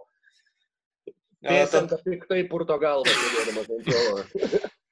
Nu čia labiau gal mano atšaukimas yra ne į Fesenko, o į Radžą Belą, pavyzdžiui, kurį mm -hmm. tu pasišaukiai. Taip, toks. Na, nu, aišku, tegul nesu. Apie trenerius galvojat? Jo, iš tikrųjų galvojau aš ir, ir siūlau gal taip tada rinktis trenerį arba tokį, kuris turėtų kažkokių tai šaknų užsienietiškų, arba gali būti vienas iš tų asistentų užsieniečių, kurie NBA lygoje dirbo man atrodo, labiausiai pataikytume į temą su tokiais pasirinkimais, nes tikrų užsieniečių trenerių, vyr trenerių nelabai čia surasi. Igor Kokoškov. Nu, tarkim, aš siūlau taip, nu jeigu jo, jo, jo. turi jo. gan aišku genofondą, sakykime, neamerikietišką, tai jau pilnai tinka, o dar galima ir tuos asistentus, ten netorė mesinas ir panašiai, jeigu įdomu jums. Tai aš, kadangi pirmą žodį ir turiu, šitam draftą, tai pirmas tada ir pasirinksiu ir mano treneris bus filipiniečių kilmės NBA čempionas Erikas Pulstra. Truputį net gal toks nuvertintas treneris, nes visi sakydavo, kad laimi, aišku, hit, nu turbūt laimi dėl to, kad turi geriausią sudėtį lygoje. Bet Erikas Pulstra nereikėtų pamiršti, kad ir su Miami, kuris nekažinką turėjo, vis tiek rinkdavo gerą pergalių skaičių ir pavyzdžiui dabar, kaip žaidžia Miami Heat, su juo trenerio pozicijoje palieka visai gerą įspūdį ir toks atrodo strategas, kuris moka dirbti su jaunais krepšininkais. Tai filipiniečių kilmės, kaip ir sakiau, atitinka šiuo atveju mūsų konceptą. Jis nu, labai gerai mm, laiku pamatė, kad Krisa Bošą reikia statyti vidurio polėjų ir nustoti ten išsidirbinėti su žaliais Antoni visokiais ir, ir panašiai. Odenas netgi buvo atsidūręs ten. Jo, jo, labai dar tuo metu reikėjo. Nors dabar atrodo, dieve, jeigu tu turėtum Krisa Bošą vidurio polėjų, nu, ta prasme, pasimtum ten kažką ant suolo ir, ir, ir nesiparintum. Bet šiaip superinis treneris tikrai vis dar, vis dar labai e, tą sėkmingai įrodo. Kas pas tave, Rokai? Man labai niešti pasimti iš Esvatinį arba buvusio Svazilando kilusi ir Kanados pilietybę turinti Jamą Mahlalelą. Aš galiu tau parekomenduoti vieną dar. Nu, parekomenduot gali, bet aš jau manau, kad išrinkau. Turint omeny tavo 12 krepšininką grinai, nes aš matau, kad vienas toks NBA, NBA asistentas yra jo Vitalijus Patapenko, kuris yra laimėjęs vis dėlto 2016 čempionų žiedą. Tikrai taip, na, bet čempionišką, sakykime, tą visą e, charakterį statysimės mes su šituo, su šituo treneriu, kuris kol kas dirba asistentu, pradėjo savo karjerą Bruklinė ir Bruklinė 18-19, kiek teko skaityti, labai labai stipriai prisidėjo prie komandos sėkmės. Labiau puolimo specialistas, kiek yra tekę taip pat skaityti, dabar jisai taip pat ir Minnesotoje užima realiai už puolimą atsakingo trenerio poziciją kadangi Minnesota pasidarė tokį NFL stiliaus, jog yra vienas treneris polimo, vienas treneris gynybos ir dar ir vyriausias treneris, tai aš norėčiau prie na, prie, prie vairo šiame poste matyti Pablo Prigijonį. Kadangi kažkodėl visai tikiu, jog šis, šis žmogus gali ateityje tapti labai gerų trenerių ir, ir iš to, kaip žaidė, iš to, kaip skaitydavo žaidimą ir iš tų visų pozityvių atsiliepimų, kuriuos esu apie jį girdėjęs, norėčiau išbandyti būtent jį šitam postė. Aš, aš čia tik papildydamas pasakysiu, kad visiškai sudegė gavęs vyriausio trenerio darbą Vitorijoje tragiška buvo sezono pradžia Baskam, nors ir gerai sukomplektuota komanda ir pakankamai greit teko jam pasitraukti ir atėjęs naujas treneris, berots Pedro Martinėsas, tada vietojo atėjo, sustatė komandą ir jį pradėjo laimėti Eurolygoje. Tai galbūt tas patirties trūkumas vyr trenerio darbo pakišo koją, nes ne, šiaip pagal... Ap, ap, ap, apsimeskim, kad jisai yra tinkamesnis NBA krepšinį. Ne, tai pagal IQ tai yra turbūt nu Jasikevičiaus mąstymo įžaidėjas, kai jisai žaidė ir viską pasako, kad nuvažiavęs į NBA lygą 3-5, sugebėjo būti efektyvus žaidėjas aikštelėje, kas nu, yra fenomenalu. 35 naujokas. Jep, jep. Na, Mykolai. Jo. Aš tavo jau galiu turbūt nuspėti. Nu, bandyk, nes aš tai šiaip norėjau tavęs paklausti, kaip mūsų policininko šitais klausimais, tai ar De Antoni tinka? Taip, taip, taip, taip. taip tinka, nes, aišku, kad tinka. Tai, nes, jeigu, bu... jeigu Spulstra tinka kaip filipiniečių kilmės, tai Maikas De Antoni turbūt dar labiau yra italų kilmės, toks visiškas New Yorko italas. Nebuvau nepasiruošęs, nu šitam kažkaip būtent tų trenerių klausimui, tai taip tik tai De Antonis šovė į galvą. Narsas labai siejamas su Europą, bet vien dėl to, kad Britanija biški treniravo ten kažką. Jo, ir šiaip, e, nežinau, e, apie Diantonį kažkuria iš mano komandų treniravo, jo stilius visiems puikiai žinomas, e, turint omeny, kiek čia pas mane yra tų krepšininkų galinčių gerai pasuoti ir neblogai mesti, tai manau kažką su jais Diantonį tikrai sugalvos. Uh, Žodžiu, gal noriu dar šiek tiek e, perbėgti per savo komandas, kaip jos atrodytų aikštį? Ar... Jo, galim irgi tą pačią tada eilės tvarką. Mano pirma mintis tai yra tokia, kad šitas draftas turbūt atskleidė, kokių pozicijų užsieniečiai geriausiai išpildo lūkesčius NBA lygoje, kurių pozicijų vis dėlto Amerikos talentų nukonkuruoti nepajėgus. Tai dabar, tarkim, lieka ant stalo Ibaka, Domantas Sabonis, Andrew Bogutas ir dar daugiau tikrai puikių priekinės linijos žaidėjų. Tombo Jao Mingas. Jo, Jao Mingas, ta prasme. Skolė.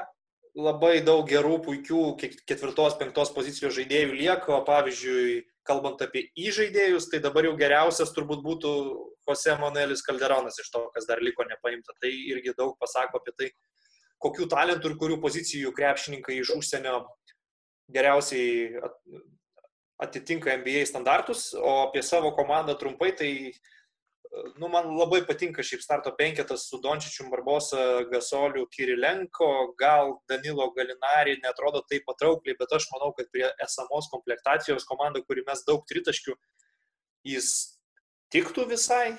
Kaip ir sakiau, man jis kartais net atrodo truputį nuvertinamas žaidėjas, labai talentingas italas. Ir nuo suolo, turint Rudy Goberą, pacementuot žaidimą baudos aikšteliai, turint elitinį sniperį Bežas Stojakovičių, galėtų gautis kažkas visai įdomaus. Kaip ir sakiau, Benas Gordonas gal su Marčiulioniu ir Barbosa net realiai konkuruotų dėl minučių tokiai komandai. Ir visai ramus būčiau patikėdamas tokią sudėtį būtent Erikui Spulstrai dirbti su ją. Tai o ką ten susimuliuos Mykolo NBA 2K aparatas, tai pamatysim. Mhm. Galim susitikti patys su žaidžiai. Nu, bet čia tada jau žinai. Antra, antra, ne, čia ne, nesažininga žmonės, kurie nuolaifina daugiau tada, nu ten. Nu jo, jo, jo, simulacija, man atrodo, čia objektyvesnis. Gerai, be abejo, nes. Tai apie saviškus rokai trumpai kažką. Uh, um, jo, manau kad, manau, kad yra visai esu patenkintas šitą savo komandą, nes, sakau, ir yra žmonių, kurie pataiko, yra žmonių, kurie gali versti baudos aikštelį, yra žmonių, kurie gerai ginasi, yra žmonių, kurie yra grinai tie, tie mikrobangės tipažo žaidėjai kylantis nuo, nuo suolo.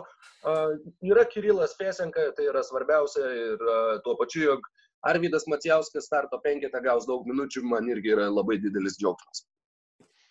Mm, aš dar turiu vieną klausimą. tiek ryčiai, tiek rokai, čia jau prieš NBA tą simulaciją. E, kiek jūs žaidėjų norėtumėt, kad rotacijai? Aš tai visus 12. Visus 12, ok. Rokai pastatė.